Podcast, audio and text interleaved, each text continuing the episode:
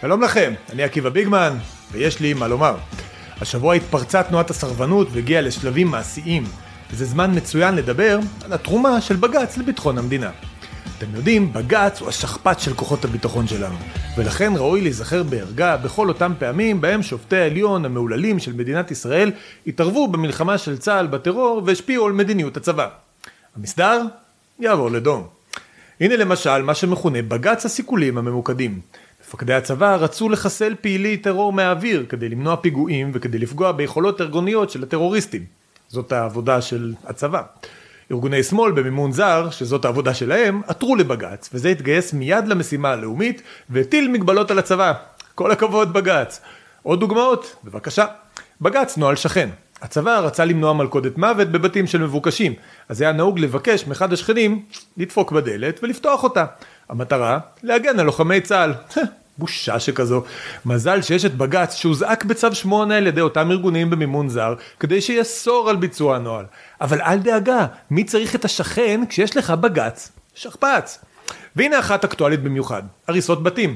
מפקדי צה"ל לדורותיהם רוצים להרוס בתי מחבלים, כי זה מרתיע את הטרור. וזה חס וחלילה לא היינו רוצים שיקרה, נכון? אז טוב שיש את בג"ץ, שיטיל מגבלות, יוציא צווי מניעה על אוטומט, ירשה רק להרוס חדר אחד, או לאטום עם קצף גילוח את הפתחים. מה היינו עושים בלעדיו? וזה נמשך עוד ועוד. בכל פעם שחייל צה"ל ניצב מול אתגר בלחימה בטרור הפלסטיני, הוא ימצא גם את בג"ץ לצידו.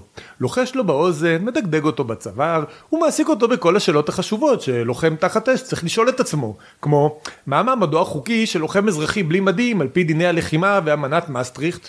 או כיצד ניתן ליישב את אמנת ג'נבה הרביעית עם עידן האינטרנט והרחפנים, או הכי חשוב, איך יכול להיות שאכילס בעצם יעקוף בכלל את הצו? בינתיים, עד שתהיה תשובה, זה כבר לא ישנה, כי המחבל או כבר מת, או שהחייל כבר ברח. מה היינו עושים בלי השופטים שלנו? עכשיו אפשר להבין למה כל כך הרבה קצינים בכירים מסרבים פקודה, כדי שלא תיפגע אפילו שערה אחת משערות ראשה של עילת הסבירות המסכנה. אחרי הכל, בלי התרומה ההיסטורית של השופטים למלחמה בטרור, אולי חס וחלילה הקצינים שלנו היו צריכים לנצח במלחמה הזאת. וזה ממש חבל, הרי כבר קנינו את כל הברזלים המעופפים האלה בהרבה מאוד כסף, לא? אז מי צריך מסייעת חברים על רכס רמים כשיש לנו שופטים בגבעת רם? אני עקיבא ביגמן ואתם מאזינים לפרק הראשון של אידיוטים שימושיים.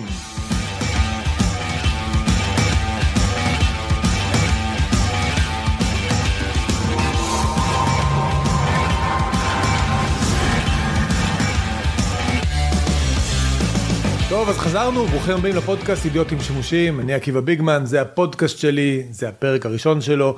אנחנו עכשיו נמצאים באתר מידע, כמו שכולכם יודעים, אני חזרתי לאתר מידע, אתר מידע מתחדש, היה אפשר כבר לראות בשבועיים האחרונים התחדשות רבה בתוכן, תחקירים, כתבות, דברים אחרים שפרסמנו, הדבר הזה הולך להימשך עוד ועוד, יהיו עוד תכנים, עוד כתבות, אנחנו עכשיו, כמו שאתם רואים, מתחילים גם את פרויקט הפודקאסטים שלנו, ובעזרת השם בעתיד יהיה וידאו.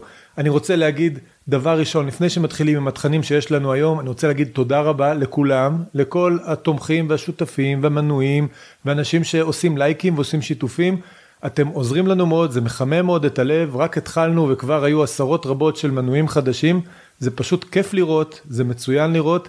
אה, זה גם התשובה הגדולה לדעתי למה שקורה מסביב. השמאל מאוד חזק, הוא מגייס הרבה מאוד כסף, יש לו את התקשורת המרכזית. ואנחנו רואים שאנחנו מתחילים מיזם של תקשורת עצמאית שנועד לתת מענה לדברים האלה, ויש היענות כל כך רחבה ויפה של הציבור, זה פשוט מדהים, וזה הדבר הכי נכון והכי חשוב לעשות בעת הזאת. בסוף השבוע האחרון בדיוק התבשרנו שפייסבוק הסירו את עמוד הפייסבוק של מידע. עמוד גדול שהשתמשנו בו במשך אולי 12 שנים, 70 ומשהו אלף עוקבים, השקענו בזה הרבה מאמץ, גם הרבה כסף, ששולם דרך אגב לפייסבוק על אה, קידום ממומן במשך השנים. פיתחנו את כל הדבר הזה, פייסבוק החליטו משום מה שהעמוד הפר את כללי הקהילה, לא הסבירו לנו למה, הורידו את הדף, ובהקשר הזה התמיכה שלכם חשובה פי שתיים, כי אנחנו פרסמנו את הדבר הזה, שהורידו את הדף, אנשים מיד הלכו, עשו מנויים גם לאתר וגם התחילו לעקוב אחרינו בפלטפורמות אחרות. והדבר הזה פשוט עובד, היום אף אחד לא תלוי בפייסבוק, יש אותנו גם בטוויטר, גם ביוטיוב, גם בטלגרם, יש קבוצת וואטסאפ שקטה, יש את כל הדרכים האחרות אה, לעקוב בעצם אחרי התכנים של מידע, אפשר לעקוב אחריי באופן אישי, אפשר לעקוב אחרי מידע, כל הדברים האלה חשובים. ואני אומר לכם, לאף אחד אין היום מונופול, לא על האמת, לא על הדעות הנכונות, ואפילו כבר לא מונופול על ההפצה, וזה דבר פשוט אה, אה, נפלא, ואני רואה את התגובות שלכם ואת ההיענות שלכם, ואני אומר לכם בכנות, זה מרגש ומחמם את הלב. ציפיתי שזה יעבוד, אבל לא ציפיתי עד כדי כך, וזה פשוט נפלא. אז דבר ראשון, תודה רבה לכם. כמו שאנחנו יודעים, אתר מידע נתמך על ידי הציבור, אז אני רוצה שאנחנו נתרגל לסיסמה שלנו, אנחנו אתר ימני, שמרני, במסורת אה, ז'בוטינסקי, אז אנחנו גם את הדבר הזה נעשה על פי חמשת הממים, הכי קל. אז המם הראשון כמובן זה מנוי, דיברנו על זה כבר, הולכים, עושים מנוי למידע, תומכים באתר שלנו, עושים מנוי לפודקאסט שלי, אידיוטים שימושיים, זה גם תומך בי באופן אישי, זה הדבר הכי חשוב, לעשות מנוי. המם השני, משתף. משתפים את התכנים שלנו, גם את הכתבות והתחקירים, גם את הפודקאסטים, את כל שאר הדברים שאנחנו עושים, גם את הסרטונים הקצרים שאני מעלה, זה עוזר לנו מאוד. אחרי משתף, ממליץ, ממליצים לחברים, ממליצים לכל מי שאפשר, ממליצים גם בתוך האפליקציות השונות, מדרגים אותנו גבוה באפליקציות של הפודקאסטים וכן הלאה, הדבר הזה מקדם את התוכן שלנו. המם הרביעי, מחבב, אין לזה מילה כל כך יפה בעברית, אבל עושים לייק לכל הדברים, איפה שאפשר. והמם החמישי והאחרון שגם הוא מאוד מאוד חשוב, מגיב. מגיבים לתכנים שלנו, מגיבים בפייסבוק, בטוויטר, בטלגרם, בכל מקום. התגובות הללו מלמדות את האלגוריתם שיש מי שמתעניין בתוכן הזה, שאוהב אותו ומקדם את התכנים שלנו. אז תזכרו את חמשת הממים, הם הדבר הכי חשוב שיש לנו היום ברוח ז'בוטינסקי. מנוי, משתף, ממליץ, מחבב, מגיב. אלה הדברים הטובים. אז מה יש לנו היום? היום אנחנו נעשה כמה דברים מאוד מאוד מעניינים. קודם כל אני אפתח בכמה הערות שלי על המצב, המצב מאוד סוער, אנחנו נדבר על זה תכף, יש לי כמה דברים חשובים להגיד על זה. דבר שני, אנחנו נדבר על תפקידו של אהוד ברק בתנועת המחאה, זה הולך אחורה לשנת 2016, אני חושב שזיהיתי את הרגע שבו אהוד ברק חוזר לחיים שלנו, וזה אותו רגע שבו מתחילה תנועת המחאה שאנחנו מכירים אותה היום, אנחנו נדבר על זה, נראה לכם גם כמה סרטונים מאוד יפים, זה חשוב מאוד. דבר שלישי שנעשה, עילת הסבירות, אנחנו נפרק חלק מהפייק שיש בדבר הזה, אני אראה לכם איך עובד קמפיין פייק שמתחיל במכון הישראלי לדמוקרטיה, מהדהדים אותו בכל המקומות האחרים עד שזה הופך להיות נחלת הכלל, כל אזרח בישראל חושב שזאת האמת לאמיתה ואין בלתה. ובסוף, הפינה האהובה עליי, פינת השאלות, הפינה נקראת האדם הסביר, אני, האדם הסביר, יענה לכל השאלות שלכם, מנועי מידע, שאלות שאפשר להכניס אותם אה, באזור האישי באתר מידע. אני אענה לכל השאלות שלכם, אני מבטיח לכם מענה סביר ומידתי ונכון בהחלט, אבל אל תנסו את זה בבית. אז תכף מתחילים.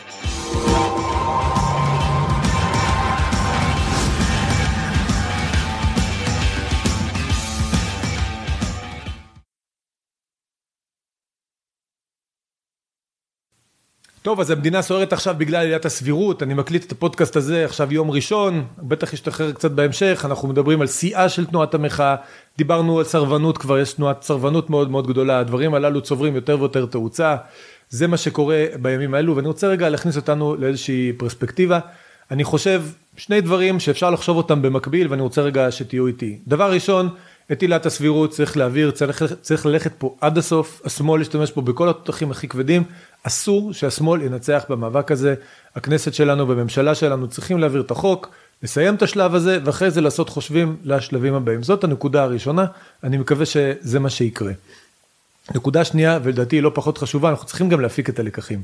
תראו, יש שתי דרכים בגדול להוביל שינוי, שינוי ציבורי, יש שתי דרכים, הדרך הנכונה והדרך השגויה. הדרך הנכונה לעשות את זה היא לגייס ציבור רחב כמה שיותר שיתמוך במהלכים שלך. כשאתה רוצה להעביר מהלך ציבורי, וזה לא משנה אם זה שינוי חקיקתי, או פינוי יישובים, או אפילו בניית יישובים, והתנחלות, ומסמוס של הסכם אוסלו, כל מיני דברים שהימין ידע לעשות יפה מאוד. המטרה המרכזית שלך, דבר ראשון, זה להרחיב את מעגלי התמיכה שלך. אתה צריך כמה שיותר תומכים שהם לאו דווקא מקהל המצביעים הטבעי שלך. אתה צריך תומכים מהמרכז, מהמרכז שמאל. אתה צריך לנטרל התנגדויות פוטנציאליות של אחרים. אתה צריך לעשות מאמץ לגייס אליך את דעת הקהל. ככה עושים את הדברים הללו. ככה קחו למשל את ההתנתקות של אריק שרון. אריק שרון היה לו בשביל ההתנתקות את כל הגיבוי שהוא רק רצה, היה לו את בתי המשפט, היה לו את התקשורת, היה לו את המערכת הבינלאומית, היה לו את כל האקדמיה, המכון הישראלי לדמוקרטיה עשה בשבילו הכשרות לחיילים, מה שאתם לא רוצים היה לו, היה לו כמובן הצבא והמשטרה, הכל היה, כולל אפילו האופוזיציה שהייתה איתו. ועדיין, כדי להוליך את ההתנתקות, אריק שרון עשה קמפיין ציבורי, הם, הם, הם פמפמו לדעת קהל, הם הפעילו את כל הקמפיינרים שלהם בפורום החווה, פתרון לכל מתיישב, הם עשו הכפשה למתנחלים שמתבצרים ויש נשק, וחומצה וכן הלאה וכן הלאה. הם הבינו שכדי לבצע פעולה כזאת צריך הכשרה של דעת הקהל, צריך הכנה, צריך קמפיין, צריך לגייס אליך עוד אנשים ועוד, אה, ועוד תומכים מהמחנה גם שהוא לא שלך. הממשלה שלנו נמצאת במקום הפוך לחלוטין מהמקום של שרון בהתנתקות, היא הולכת נגד כל המערכות. אין לה תקשורת, אין לה אקדמיה, אין לה מכוני מחקר, אין לה את המערכת הבינלאומית, אין לה שום דבר. גילינו גם שאין לה אפילו את המשטרה והצבא שעל פי חוק אמורים להיות לה, ועדיין היא לא עושה שום קמפיין, היא לא עושה שום מאמצים להרחיב את התמיכה, היא לא עושה שום דבר כדי לנסות לפרק את מוקדי ההתנגדות של הצד השני, כדי לגייס אליך אנשים משם. זה פשוט טעות נוראית. הדרך הנכונה לבצע את המהלכים הללו הייתה קודם כל לנתח את הזירה. להבין מול מי אתה עומד. השמאל הגיע לפה, תכף נראה באחד האייטמים, תראו איך זה, איך זה התחיל ולפני כמה זמן, אבל השמאל הגיע למערכה הזאת עם מכונת קמפיין ומחאה משומנת היטב, עם הדגלים השחור, השחורים, עם קריים מיניסטר, עם תנועת דרכנו, עם כל מה שאתם רק רוצים, הם כבר פה מוכנים לפעולה. והממשלה הזאת, כל מה שהיא עשתה זה פשוט לתת להם את הדלק כדי, את הדלק לנצח, לנצח במערכה הזאת, זה מאוד מאוד פשוט. הם ניסו כל הזמן, זה מה שהשמאל עשה, ניסה כל הזמן למצוא את הסוגיה שאפשר דרכה לפרוץ לדעת הקהל המרכזית. הם ניסו כמה דברים במשך השנים ואנחנו הגענו ונתנו להם את הסיפור הגדול. זה, זאת הטעות הגדולה שהייתה. היה צריך ללכת יותר לאט, היה צריך לזהות את הסוגיות שאנחנו יכולים להעביר. יש דברים שיש דעת קהל לטובתנו. היה צריך לפרק את זה אחד אחד, לא לבוא ולהצהיר על מלחמה גדולה, עכשיו אנחנו נעשה רפורמה, עכשיו אנחנו נעשה מהפכה, עכשיו נשנה את הכל, כמו אותו נאום של אה, יריב לוין בתחילת הקדנציה. היה צריך לבוא הפוך, לבוא בצורה יותר מתוחכמת, להגיד יש לנו אמון במערכת המשפט, מערכת המשפט מצוינת, וצריך לתקן כמה דברים, ולהתחיל פרה פרה. למשל, לשכת עורכי הדין. לשכת עורכי הדין הייתה במצב, במצב קשה מאוד אחרי הסיפורים של אפי נווה ואבי חימי. אפשר להוציא את לשכת עורכי הדין מהוועדה לבחירת שופטים. היה אפשר לגייס לזה תמיכה. זה דבר אחד שאפשר לעשות. להקים גוף ביקורת על הפרקליטות שיש לו שיניים. קיבלנו במתנה את פרשת זדורוב, לא עשו עם זה כלום. זה דבר נוסף שהיה אפשר לעשות. אפשר לפרק את גלי צה"ל, להפריט את גלי צה"ל. אפשר אולי משהו קטן יותר לעשות, כמו שידידי מיכאל דבורין אמר לי. אפשר להוציא מגלי צה"ל את שידורי החדשות. משהו קטן.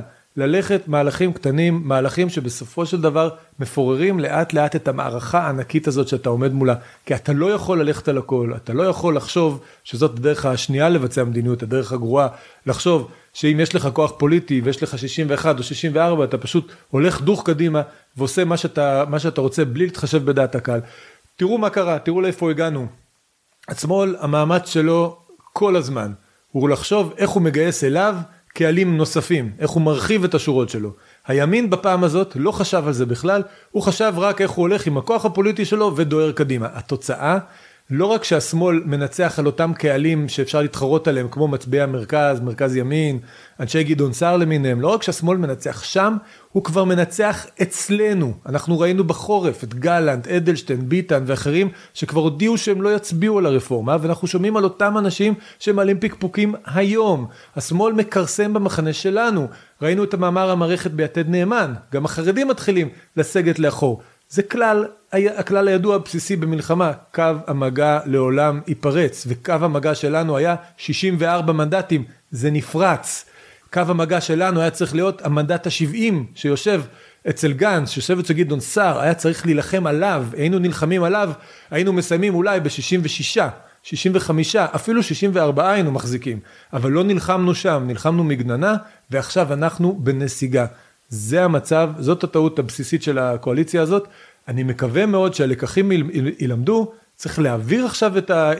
צריך להעביר עכשיו, צריך להעביר, סליחה, את עילת הסבירות עכשיו, כי על זה המאבק ואסור להתקפל, אבל אחר כך צריך לעשות מה שנקרא עצירה אופרטיבית, להתאפס מחדש, לנתח את הזירה, לחשוב מה אפשר להשיג ומה אי אפשר להשיג, איפה נמצא דעת הקהל, איפה אני יכול לגייס אותו איתי, איפה יכול להיות שמוקדם מדי ללכת, איפה יכול להיות שמאוחר מדי ללכת, ולראות איזה דברים אני יכול לשנות. רק שינויים שאנחנו נעשה באמצעות גיוס של דעת קהל יותר רחבה מהבייס שלנו, הם שינויים שגם יחזיקו מעמד לאורך זמן ולא יתבטלו ברגע שתתחלף ממשלה.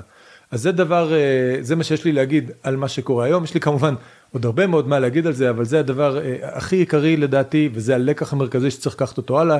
מי שצופה בי, בעיקר מקבלי החלטות שצופים בי, אני מקווה, צריך לחשוב על הדבר הזה, ולראות איך מתקדמים הלאה אחרי המשבר הנוכחי. נעבור לאייטם הבא.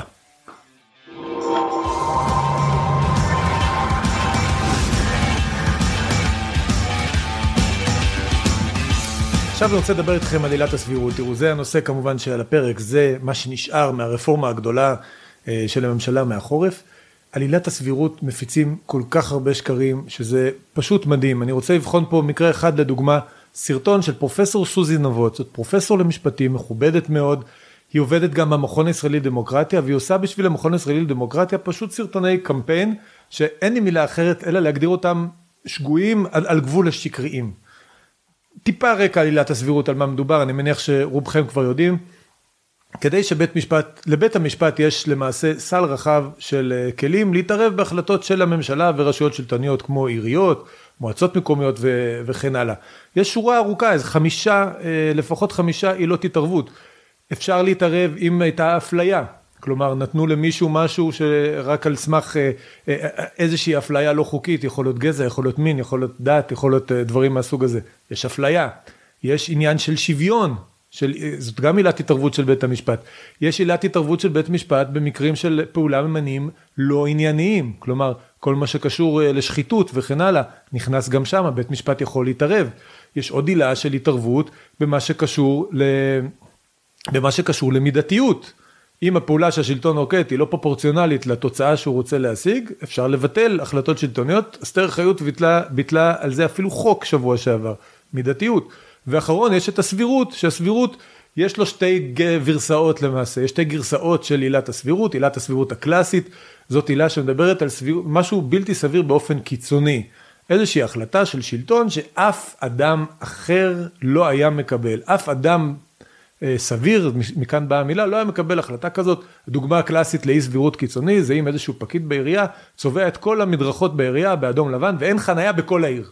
זאת החלטה בלתי סבירה באופן קיצוני, וההנחה היא בעצם שאם מישהו קיבל החלטה כזאת, אז הוא למעשה פועל בחוסר סמכות, כי אף אחד לא העניק סמכות לפקיד לקבל החלטה מהסוג הזה, או שיכול להיות שהוא יתפלפ וישתגע או פועל משיקולים לא ענייניים, כלומר החלטה, החלטה, בחוס, החלטה אה, בלתי סבירה באופן קיצוני, בדרך כלל זה סוג של אינדיקציה לזה שיש כאן בעיות אה, גם אחרות. מה שקרה זה שאהרן ברק חידש אה, עילת סבירות שעומדת בפני עצמה ושהיא מאפשרת לבית המשפט לשקול את מערכת השיקולים והאיזונים שקיבל אותו פקיד ולשאול את עצמו האם הוא איזן נכון בין אינטרסים שונים, האינטרס למשל של העירייה לאסוף כסף מקנסות לעומת האינטרס של האזרחים לחנות או לא יודע, משהו מהסוג הזה, איזונים בין אינטרסים, בקיצור, להיכנס לשיקול הדעת של מקבלי ההחלטות שלנו. זה החידוש הגדול של אהרן ברק. סבירות שנכנסת לתוך שיקול הדעת, והוא אומר, מה היה שיקול הדעת? האם הוא חשב על כל הדברים שצריך לחשוב? האם הוא נתן את המשקל הראוי לכל הדברים שצריך לחשוב עליהם? זאת הסבירות החדשה. זה, זהו חוסר הסבירות שעליו אה, מדבר התיקון לחוק, והוא רוצה להגביל אותו בעיקר בהחלטות של שרי ממשלה ובמינויים, לא בכל החלטות. אותו פקיד בעירייה, יכול להיות שעדיין יהיה אפשר לפסול את ההחלטות שלו אה, משיקולים של חוסר סבירות. על זה מדובר, זאת האמת. אי אפשר להתווכח על העובדות האלה שעליהן מדובר, שבהן עוסקת הרפורמה, שבהן עוסק החוק. ולכן לראות את הסרטון שתכף נראה לכם של פרופסור סוזי נבות, פרופסור, אה, פרופסור למשפטים, מכובדת, עם פרסומים, שיודעת מה היא מדברת, אני, אין לי שום דבר מה לומר חוץ מזה שהיא יודעת שהיא משקרת והיא יודעת שהיא עושה תעמולה, וזה לא רק איזו שורה ארוכה של פרופסורים, ברק מדינה גם אחד מהם, הם יודעים שהם עושים תעמולה שקרית על אזרחי ישראל, וזה בעיניי אה, תופעה מדהימה. אז בואו נראה את הסרטון. אז האמת היא ששלטון שרוצה לפעול לטובת האזרחים בצורה עניינית ומשיקולים ראויים, לא פוחד מסבירות. רק שלטון שמעוניין אולי בהחלטות קיצוניות, מופרכות, מושחתות, או שירותיות, כמו למשל לפטר את שומרי הסף ולמנות במקומם אנשים פוליטיים, לא מקצועיים, או אפילו מושחתים. רק שלטון כזה פוחד מסבירות. רק שרים שלא רוצים לתמק את ההחלטות שלהם בכל נושא, רק הם פוחדים מסבירות.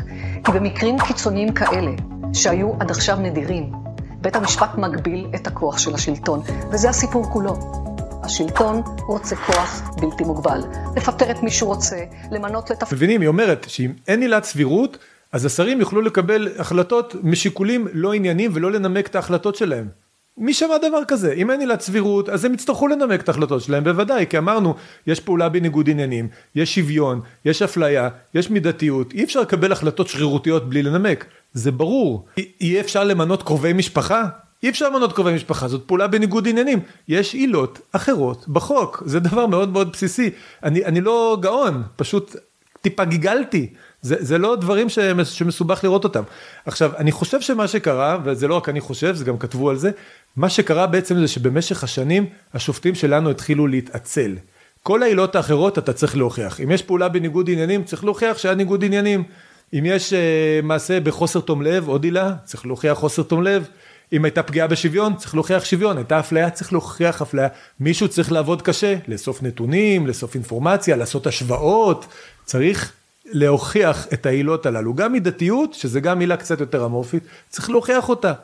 סבירות, כשאתה מדבר על שיקול דעת, לא צריך להוכיח שום דבר, זה הגיגים. אתה שואל את עצמך האם החלטה סבירה, אם היא לא סבירה, האם אה, מקבל החלטות שקל את השיקולים האלה ואחרים, הוא איזן איזונים כאלה ואחרים, האם האיזון שהוא ביצע נכון, זה הכל תרגילים מחשבתיים שנעשים בתוך הראש של השופט או העותר, לפעמים זה אותו ראש, בתוך בית המשפט לא צריך עובדות, לא צריך אמפיריקה, לא צריך שום דבר, צריך להתפלפל וצריך כוח וסמכות של שופט. זה כל מה שצריך.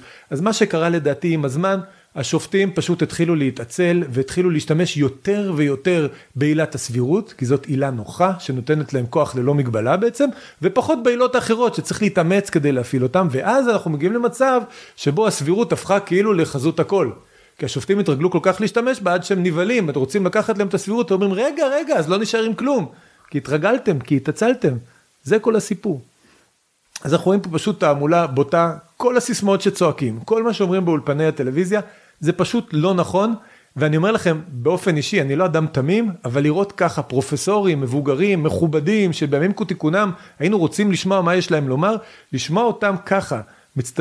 משתתפים בצורה כל כך בוטה בתעמולה שקרית ברמה הזאת, בעיניי זה סוג של, אה, לא הייתי אומר משבר אמון, כי לא היה לי כזה אמון, אבל בעיניי זה משהו חדש, לא חשבתי ש... שנגיע למצב הזה, זה באמת חמור מאוד. עכשיו אני רוצה להראות לכם איך הקליפ הזה של סוזי נבות והמסרים התעמולתיים שקריים שהיא, שהיא מספרת, איך זה הופך להיות דף המסרים של כל המערכת, של כל הפוליטיקאים, של התקשורת וכן הלאה, אתם תראו קליפ קצר חמוד מאוד שהכנתי בשבילכם.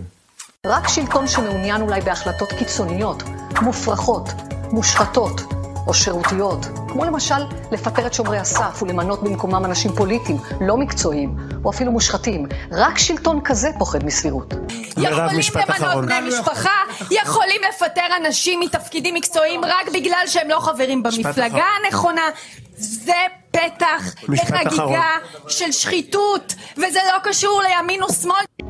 רק שרים שלא רוצים לנמק את ההחלטות שלהם בכל נושא, רק הם פוחדים מסבירות. ייפרץ הסכר למינויים מושחתים ולהחלטות קיצוניות ושרירותיות של השרים ושל הממשלה. ולכן הסיפור המרכזי הוא פה השחרור הטוטלי של נבחרי ציבור מהחובה להיות ענייניים בקבלת החלטות. וזה הסיפור כולו. השלטון רוצה כוח בלתי מוגבל. ועל פי פרופסור סוזי נבות, נעלם הבלם האחרון בפני ממשלה. כי פגיעה בעילת הסבירות היא פגיעה ביסוד הבסיסי ביותר של דמוקרטיה, שזה היכולת של בית משפט לבוא לשלטון, לרשות השופטת, אומרת הרשות המבצעת, יש גבולות לכוח. עילת הסבירות זה טיל אטומי לבטנה הרכה מאוד. של הדמוקרטיה הישראלית. אתם מבינים איך זה עובד? פרופסור, מכון הישראלי לדמוקרטיה, עושים תעמולה לתוך הראש שלכם, זה משפיע על כולם, אף אחד מהאנשים שמצטטים אותה לא בדק, לא טרח, לא יודע מה הוא מדבר, מצטטים אותה, מצטטים את בניש, מצטטים אחרים, וזה הכל. מה שהמומחים המשפטיים של השמאל עושים, זה לא מידתי, זה לא סביר, וזה פעולה בחוסר תום לב. היה צריך לפסול אותם.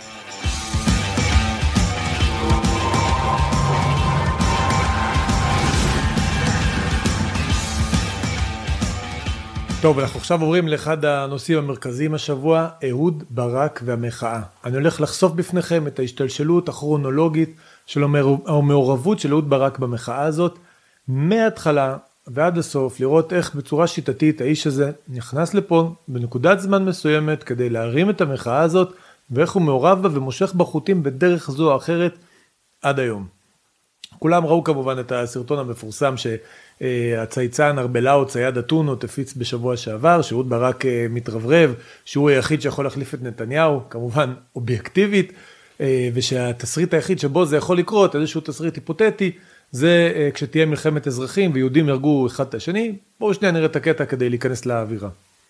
לא, לא סובל כידוע מעודף צניעות, אז אני יכול להגיד לך שאובייקטיבית, אם חס וחלילה ביבי נעלם באיזה יום בשבוע הבא בצהריים, אז, ויש אפשרות של הידרדרות עם החזבאללה או עם האיראנים או איזה משבר, והמשבר הכלכלי-חברתי נמשך, צריך לקבל הכרעות לגבי טראמפ, סיפוח, כן, לא. אז באופן אובייקטיבי אני יותר מתאים ויותר בשל מכל בן אדם אחר במדינה לקחת את ההגה, ויש לי חבר, היסטוריון, שאמר לי פעם, אהוד, לך יקראו כאשר יצופו גופות בירקון. הוא אומר, אבל אני מבקש להדגיש, לא יצופו גופות של אה, שוהים בלתי חוקיים מהשטחים, לא של ערבים ישראלים, יצופו גופות של יהודים שיהודים הרגו. אז אה, יקראו לו, אמרתי לו, אה, תודה רבה שלא יקרה ושלא יקראו. מה שאני הולך לעשות עכשיו, אני הולך לעבור איתכם על הכרונולוגיה של, אה, של המעורבות של אהוד ברק בעניין הזה. אני חושב שצריך להגדיר כאן עידן, שאהוד ברק מאפיין את העידן הזה, אנחנו נקרא לו עידן המחאה. אני אעבור איתכם דרך סרטונים שמופיעים בכל מיני מקומות של אהוד ברק בשיחות זום, נאומים שלו, ראיונות בטלוויזיה, ופשוט נבנה את, ה, את הכרונולוגיה של הדבר הזה, ואתם תבינו תכף על מה אני מדבר. אז טיפה ניכנס רגע אה, לרקע.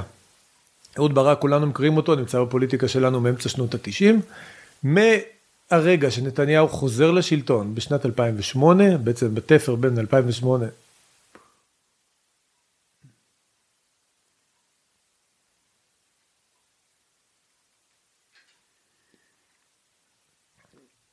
אהוד ברק, כולם מכירים אותו, הוא נמצא בפוליטיקה שלנו מאמצע שנות התשעים, היה אה, יושב ראש מפלגת העבודה, ראש ממשלה, פרק זמן מאוד קצר, לדעתי הכי קצר, אולי חוץ מיאיר לפיד ובנט, הכי קצר אה, בתולדות מדינת ישראל.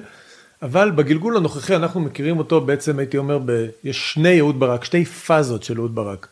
אהוד ברק המוקדם נקרא לו ככה, זה אהוד ברק שהיה שר ביטחון של ממשלת אולמרט, וכשהתחלפה הממשלה ב-2009 ונתניהו נכנס לשלטון שוב, אהוד ברק נשאר ושירת כשר ביטחון בממשלת נתניהו.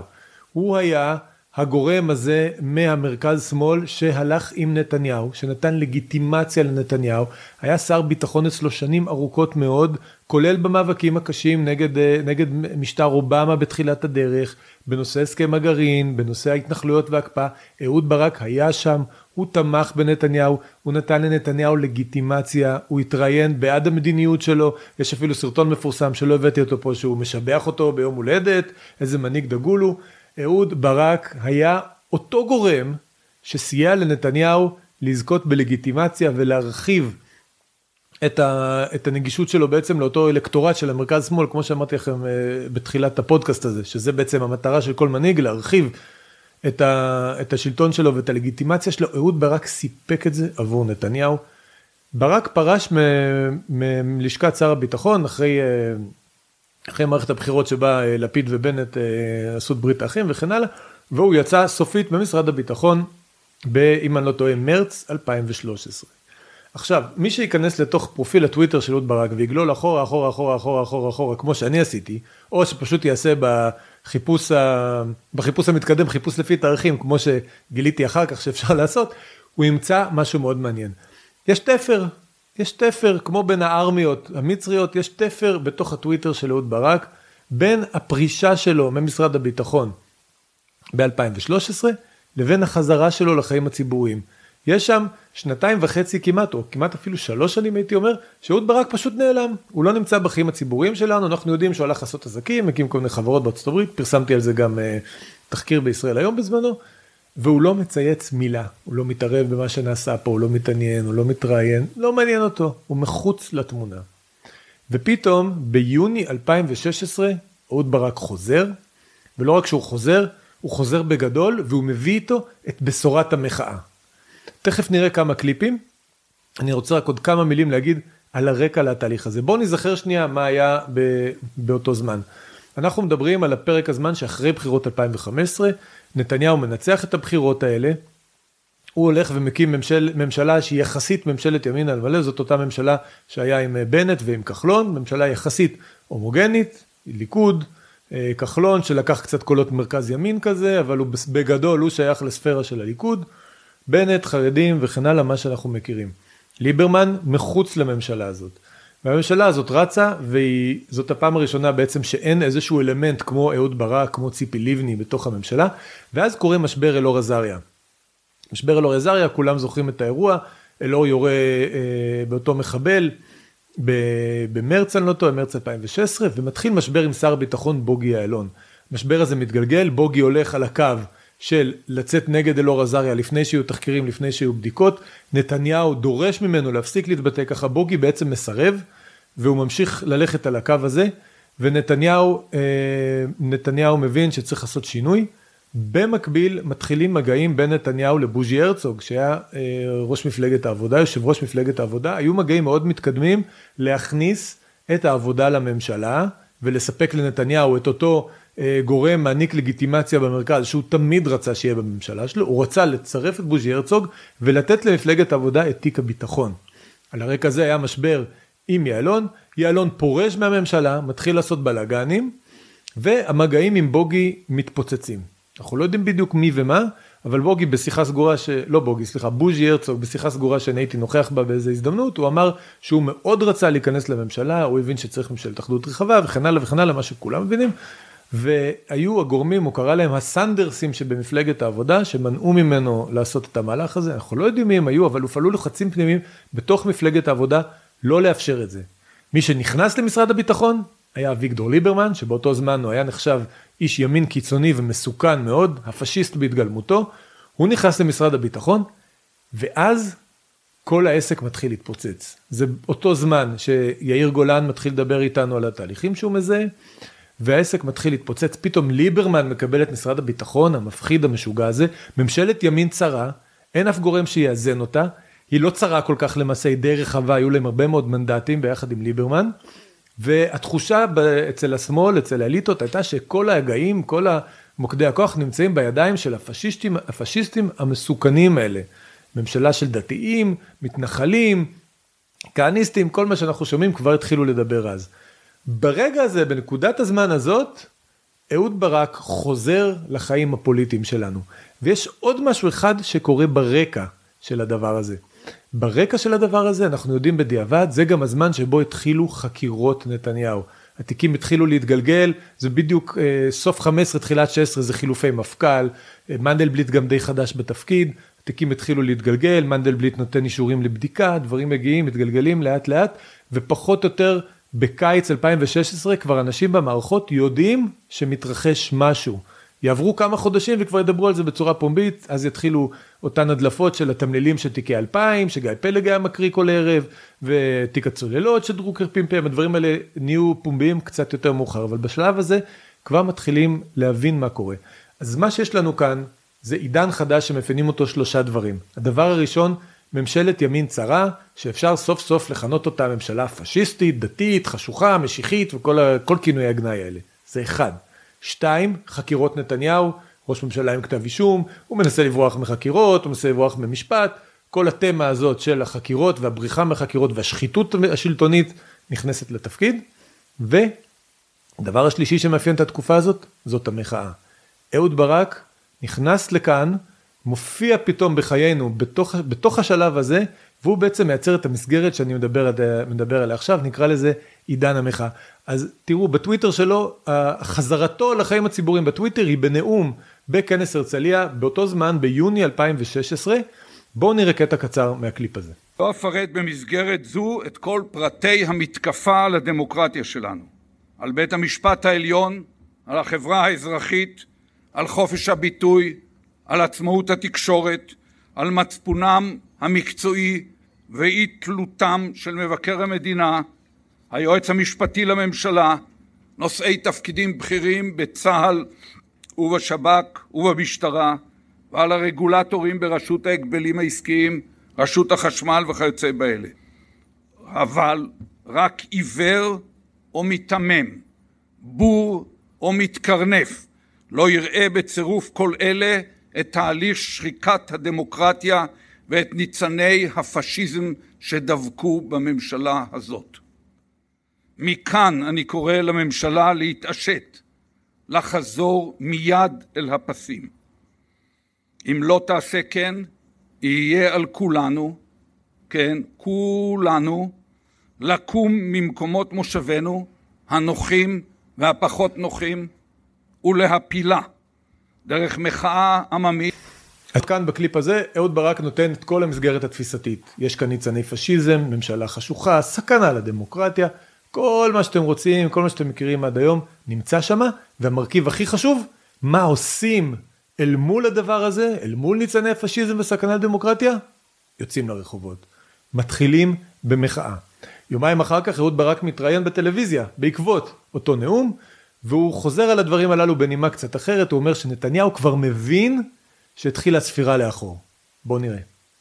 אתה רואה את אותות הפאניקה, נתניהו מבין היטב שהספירה לאחור לסיום כהונתו החלה, גם אם היא תיקח חודשים ארוכים, או שנה או שנה וחצי. היא רוצה... החלה והיא רק תגבר. רוצה... אתם מבינים? התחילה הספירה לאחור. קורים פה תהליכים, החקירות כנראה, המחאה שאהוד ברק מתחיל אה, לפמפם אותה, קורים פה תהליכים שמביאים את הספירה לאחור הזאת לקץ שלטונו של נתניהו. בשביל זה אהוד ברק חוזר לחיים הציבוריים, כדי לבשר לנו את הבשורה הזאת. הוא השליח של בשורת עידן המחאה. מי שחושף בפנינו עוד קצת ממה שקרה בתקופה הזאת זה אלדד יניב. אלדד יניב שהיום הוא כביכול סוג של חזר בתשובה או משהו מעין זה אם אפשר בכלל להגיד עליו את הדברים האלה אבל עכשיו הוא חביב הימין הוא מופיע הרבה בפטריוטים בערוץ 14 באותה תקופה יניב הוא זה שהוביל את כל המחאות האלה מה שהתפתחו למחאות בלפור ומה שהיום הפך לקפלן ומחאות מול מנדלבליט שהיו בתקופתו. אלדד יניב הוביל את הדברים האלה, הוא נאם שמה, הוא ארגן את זה, הוא דחף את זה, הוא פמפם את זה בכל הכוח ברשתות החברתיות, הוא היה הדמות המרכזית המארגנת, הוא היה האורגנייזר של האירועים האלה, ואלדד יניב בהדלפה פחות או יותר מהתקופה הזאת, הוא מספר כבר שהוא יודע שיש חקירות ושמפעילים לחצים בתוך המשטרה על מנדלבליט כדי שיאשר את החקירות הללו. בואו נראה. כל מיני אנשים, כמו כורש ברנוב ואחרים, אתם עוד תשמעו את השמות האלה, ואתם עוד תכירו אותם מצוין, את השמות האלה. ואלה אנשים שבעוד זמן לא ארוך יהפכו את השולחן על מנדלבליט. הם כבר עושים את זה עכשיו, אבל בגלל שהם אנשים רציניים וממלכתיים, אז הם עושים את זה בצורה מנומסת. הם ניסו להפוך על מנדלבליט את השולחן אצלו בחדר, וכשזה לא עזר, אז הם מתדרכים עיתונאים בימים האחרונים, שזה מה שהם עומדים לעשות. שמעתם את זה, שמעתם את זה אצל ברוך יקרא בערוץ 10 לפני כמה ימים. ויגיע הרגע שהם יבינו שהם צריכים לעשות את זה בידיים שלהם, שאין ברירה, צריך ללכת לטלוויזיה ולהגיד את זה. וגם לרגע הזה אנחנו נגיע. הנה מה שאלדד יניב אומר ממש לאחרונה בפטריוטים על הדברים הללו שהיו אז. הוא לא חוזר בו מאף מילה. אנחנו היינו מתודרכים באופן קבוע על ידי בכירי החוקרים במשטרת ישראל. מי? לא רק עיתונאים. מי? אז הנה אנחנו מקבלים בעצם את המסגרת הזאת, המחאה מתחילה, היא יוצאת לדרך, אלדד יניב הוא המבצע שלה. אנחנו יודעים שאלדד יניב בעבר היה מקורב מאוד לאהוד ברק, היה, הוא עבד אצלו בלשכה, היה איש ביצוע שלו, הוא כתב על זה הרבה בספר שלו, הם כאילו רבו ביניהם ואחר כך כנראה הם חזרו אה, לעבוד יחד. זה לא משנה, אנחנו רואים כאן במופע הזה בקיץ 2016 ששתי הדמויות הללו חוזרות לחיים ומולידות אה, בעצם את המחאה הזאת. עכשיו אהוד ברק הוא מאוד מאוד מרכזי במחאה. אנחנו רואים את זה בדברים בדיעבד, שבמשך הזמן הזה הוא מספר על עצמו, אה, כמו למשל הקליפ הזה שאנחנו יכולים לראות שבעצם מייסדי פורום 555, אותם טייסים שהם חלק ממכתב הסרבנים, שגם אה, דומיננטיים מאוד בימים האחרונים, הם מדברים על הקמת הפורום הזה והעצות שאהוד ברק נתן להם באופן שבו הוא עודד אותם בעצם לצאת לדרך. בואו נראה. ובמהלכה שאלתי את אהוד, למה התכוונת? מה, מה אתה מציע שנעשה? התמצית של תשובתו הייתה, אתם, חיל אוויר לשעבר, מותג חזק מאוד בחברה הישראלית, אתם צריכים למצוא מביניכם קבוצה משמעותית שמוכנה לתכנן ולבצע פעולות מחאה פרובוקטיביות על גבול החוקיות, שימשכו תשומת לב ציבורית ויציתו גל של מחאה גדול. עכשיו, עד כמה אהוד ברק אה, מעורב במחאה, אז אנחנו רואים פה שהוא משמש כאיזשהו יועץ ארגוני. בקליפ הבא שאנחנו נראה, אהוד ברק, אה, זה מאותו סרטון דרך אגב, שהוא מדבר על הגופות ועל ההיסטוריון החבר שלו וכל הדברים האלה, הוא גם מתאר את התפקיד שלו במחאה, אז תראו שמה שהוא מסביר בעצם איך הוא עוזר גם לגייס כספים למחאה. תראו את זה. אני לא מממן מכספי את, ה, את המחאה, ויש לי גם הרבה פחות כסף ממה שחושבים, אה, למרות שהרבה יותר כסף לרוב האנשים, אבל אני עושה ככל יכולתי, כולל בלסייע לגייס כספים ולהביא לזה שהמחאה הזאת תעבוד. אז, אה, אז הנה, זה, זה אהוד ברק, הוא מגייס כספים, הוא מייעץ, הוא עוזר, הוא מופיע בהמון זומים כאלה, דרך אגב, בכל מיני פורומים של אנשי המחאה למיניהם, והוא רואה במחאה הזאת בעצם את הדבר הכי חשוב שאפשר לעשות. הוא מאוד גאה במחאה הזאת, הוא רואה בה אולי אה, איזשהו אה, ילד שלו או פרויקט מרכזי שלו, והוא גם מבין שהמחאה היא זאת שיצרה את כל התהליכים האחרים שאנחנו רואים, הוא יצרה את חקירות נתניהו, את, הלחץ על מנדלבליט, כל הדברים הללו, אהוד ברק מודע אליהם, והוא מדבר עליהם באופן גלוי. תראו בקטע הבא איך הוא ממש מתאר את המחאה ואת ההשפעות שלה וההשלכות שלה על החברה הישראלית, על כל מה שבעצם קורה עד היום.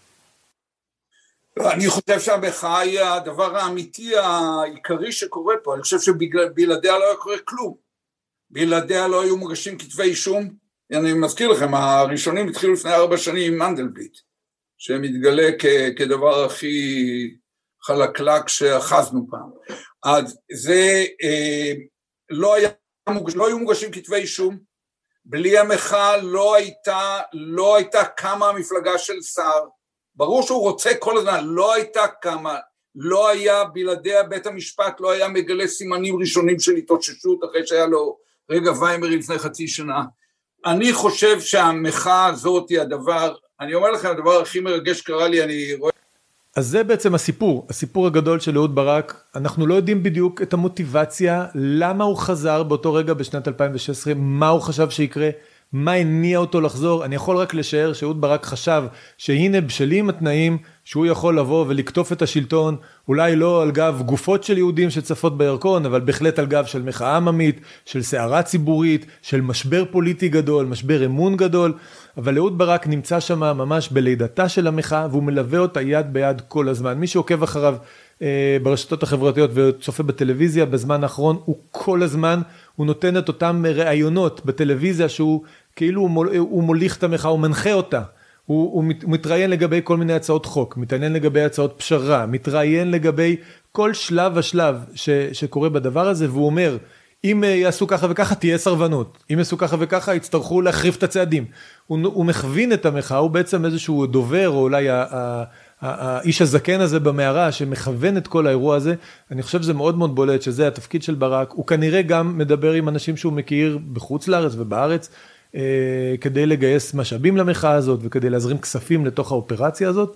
זה הסיפור של ברק במחאה אה, כמו שאנחנו רואים אותה עכשיו. ואני חושב שהדבר הנכון הוא שצריך להתייחס לכל העידן הזה בעצם כעידן המחאה, עידן אהוד ברק באיזשהו מקום. המחאה היא מאפיינת את כל השש שבע שנים הללו, היא מארגנת פה את הכל. המחאה היא זו. שיצרה, כמו שהוא אומר, יצרה מפלגות, כחול לבן וגדעון סער, בלי המחאה זה לא היה קורה. אה, בלי המחאה לא היו חקירות נתניהו. בלי המחאה בוודאי שלא היינו רואים את מה שאנחנו רואים עכשיו, כל, ה... אה, כל המחאה אה, למעשה, והסרבנות וכל הדברים האלה.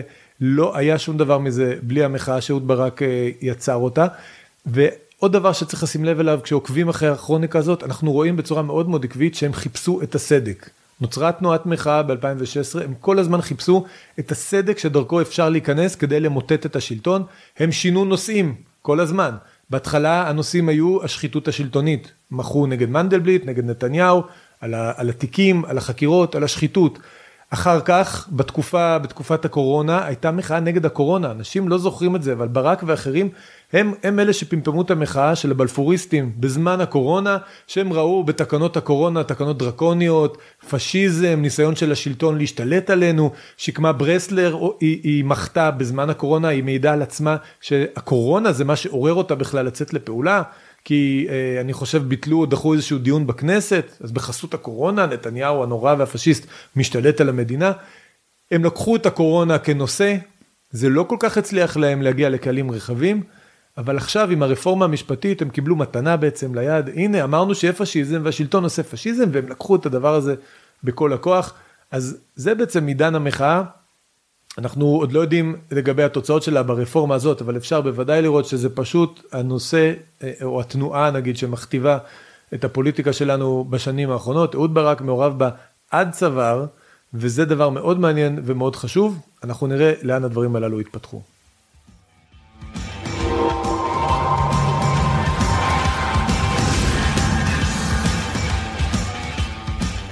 טוב, אנחנו מגיעים לסופו של הפודקאסט הזה, הפרק הראשון של הפודקאסט אידיוטים שימושיים. אני מודה לכם שהייתם איתי, לי היה כיף, אני מקווה שגם לכם. עכשיו אנחנו בפינה שלנו, פינת האדם הסביר. במסגרתה אני, האדם הסביר, עונה לשאלות שלכם. השואלים הסבירים, המנויים שלנו, מנויי אתר מידע. זאת ההזדמנות רק להזכיר לכל מי שנשאר איתנו עד הסוף, שהדבר הכי חשוב לעשות בשביל לעזור לנו להמשיך להביא את התכנים האלו, את הפודקאסטים האלה, את התחקירים, את הכתבות, זה לעשות לנו מנוי.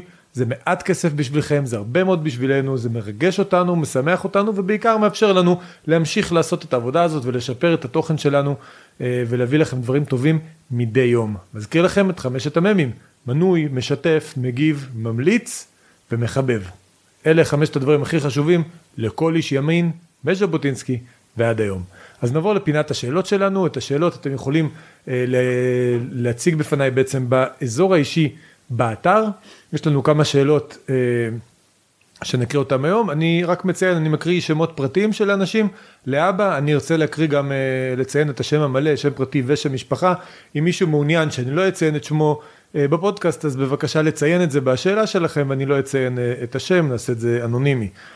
אז אה, ספי שואל אותנו כך, מה האסטרטגיה של השמרנות והליברליזם במערב כנגד ההתקפה היעילה של הפרוגרס חוץ מלעמוד המומים ומיואשים בנימוס ממלכתי.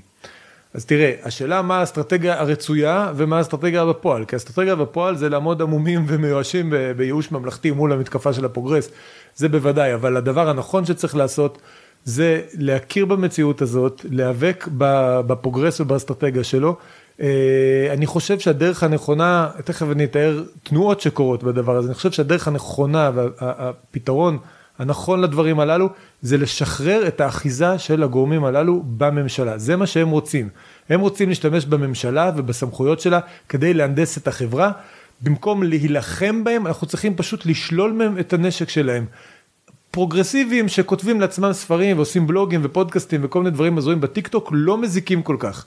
הם מזיקים כשהפרוגרסיביים האלה הם נהיים פקידים בכירים בתוך משרדי ממשלה, הם נהיים שרים, הם נהיים כל מיני יועצים משפטיים או קצינים בכירים או כל מיני uh, גופים כאלה שאתה לא יכול לגעת בהם, אנשים עם קביעות באקדמיה, שדרנים ברדיו צבאי שאתה לא יכול לסגור, אז הם נהיים מסוכנים. מה שצריך לעשות זה פשוט לשלול מהם את הפוזיציות האלה על ידי ליברליזציה ושחרור של המשק בכל התחומים הללו. אפשר לעשות רפורמ, רפורמות בקביעות בפקידות, קביעות באוניברסיטה, צריך לעשות רפורמות בשידור הציבורי בישראל. חובה. וכל המוקדי כוח האלה אתם תראו שזה לא יעניין אף אחד. אז יהיה פרוגרסיביים, תלמידים יגידו דברים, יהיו כל מיני אירועים, אירועי קצה ברשתות חברתיות וזה, אם הם לא יאחזו אותנו דרך הממשלה והמוסדות הממשלה, זה לא יעניין אף אחד. זו לדעתי האסטרטגיה הנכונה. יש גופים היום שמקדמים את הרעיונות האלה, לא, אתר מידע זה אחד מהם, יש בארצות הברית כמה גופים שדוחפים לכיוון הזה, ליברליזם, כלכלי, חברתי, כדי בין היתר גם לשחרר את המערכות מהאחיזה של כל מיני גורמים אה, מסוכנים וקיצוניים כאלה. אוקיי, שאלה הבאה. דוד שאל מה יהיה? תשובה לשאלה הזאת אני לא יודע, אבל אני אדם פסימי אה, ביסודי, אז אני יכול להגיד לכם שיהיה רע, אבל בסופו של דבר יהיה טוב. אה, אלי כותב לנו, לא שאלה אלא חיזוק, אתם עושים עבודת קודש של ממש, ובמיוחד בימים אלה, חיזקו ואימצו, יישר כוח גדול ואנחנו איתכם בתמיכה מלאה. תודה רבה אלי, באמת, בכנות מרגש. אלכסנדר שואל האם יש לנו אישור תרומות לפי סעיף 46, התשובה לדבר הזה היא שכרגע אין, אנחנו עובדים על זה במרץ, אה, אני מאמין שבחודשים הקרובים יהיה, בוודאי עד סוף שנה יהיה, אה, ברגע שיהיה כמובן אנחנו נודיע לכולם, אנחנו יודעים שהרבה אנשים אה, רוצים לתרום ורוצים גם לקבל את הטבת המס שמגיעה להם, אנחנו נעדכן על זה מיד. אבי שאל אותי מתי יהיו פודקאסטים, אבי, עכשיו יש פודקאסטים, אתה מוזמן להאזין ולשתף, חמשת המ"מים. ושמעון שואל, שאלה קצת ארוכה, אני אקצר אותה בימינו כשכל אחד תובע במאות אלפי שקלים על אמירות שונות של חברו, למה לא ניתן לתבוע ערוצי תקשורת בזיופים, שקרים, הצגה מוטעת וכן הלאה וכן הלאה, כלומר להשתמש בכלי של תביעות כדי אה, בעצם לאלף את כלי התקשורת, שלא יפיצו פייק ניוז, שלא יזייפו, אה, שיהיו הוגנים למעשה. Uh, התשובה הקצרה לדבר הזה היא שטכנית, משפטית, אי אפשר, אתה לא יכול לתבוע כלי תקשורת על דיבה, על זה שהוא, uh, לא יודע, הציג איזשהו גרף בצורה לא נכונה, או הכליל על ציבור, או אמר משהו uh, שאתה לא אוהב לשמוע uh, מכל מיני סיבות. אה, אפשר לתבוע דיבה כשיש אה, פגיעה ממשית באדם פרטי, אדם אה, אישי שנאמרו עליו שקרים, אז אפשר לתבוע דיבה וגם טובים. אני באופן אישי לא חושב שנבחרי ציבור, בוודאי לא עיתונאים, לא צריכים לתבוע דיבה כשאומרים להם דברים שקשורים לתחום עבודתם, כלומר, לא יודע מה, אתה שקרן אומרים לך, או אתה נאצי, יש מי שטבע גם שקראו לו נאצי, או לא יודע מה, כל מיני דברים בתחום כינויי הגנאי למיניהם, אני נגד תביעות דיבה מהסוג הזה. אה, כשמדובר בתביעת דיבה קלאסית, אה, פעם מישהו רמז על עיתונאית שהתקדמה דרך המיטה והיא תבעה דיבה, זה בוודאי אה, ראוי לתבוע דיבה, אבל לא אם מישהו אומר, אתה ביביסט, אז עכשיו תתבע דיבה, אתה מלקק לביבי, לא יודע, תתבע דיבה, אני לא, נאמרו לי דברים כאלה, אני לא אתבע דיבה על זה, לא בשביל זה הכלי הזה נועד, הוא נועד להגן על אזרחים פשוטים שאין להם כוח לבטא את עצמם ציבורית מפני ביטויים ציבוריים. עיתונאים ואנשי ציבור שיש להם כלים לבטא את עצמם ציבורית יכולים לשיבש בכלים הרגילים הללו. אז זהו, אני הייתי עקיבא ביגמן, אתם הייתם המאזינים שלי, היה לי ממש כיף, זה היה הפודקאסט אידיוטים שימושיים, אנחנו נהיה כאן כל שבוע בפודקאסטים מעניינים, עם חומרים מעניינים, חומרים ייחודיים, יהיה כיף, יהיה מצחיק, יהיה מעניין, יהיה פסימי וגם יהיה אופטימי. אנחנו נראה אתכם שם, תודה רבה על התמיכה ותודה רבה על ההאזנה. להתראות.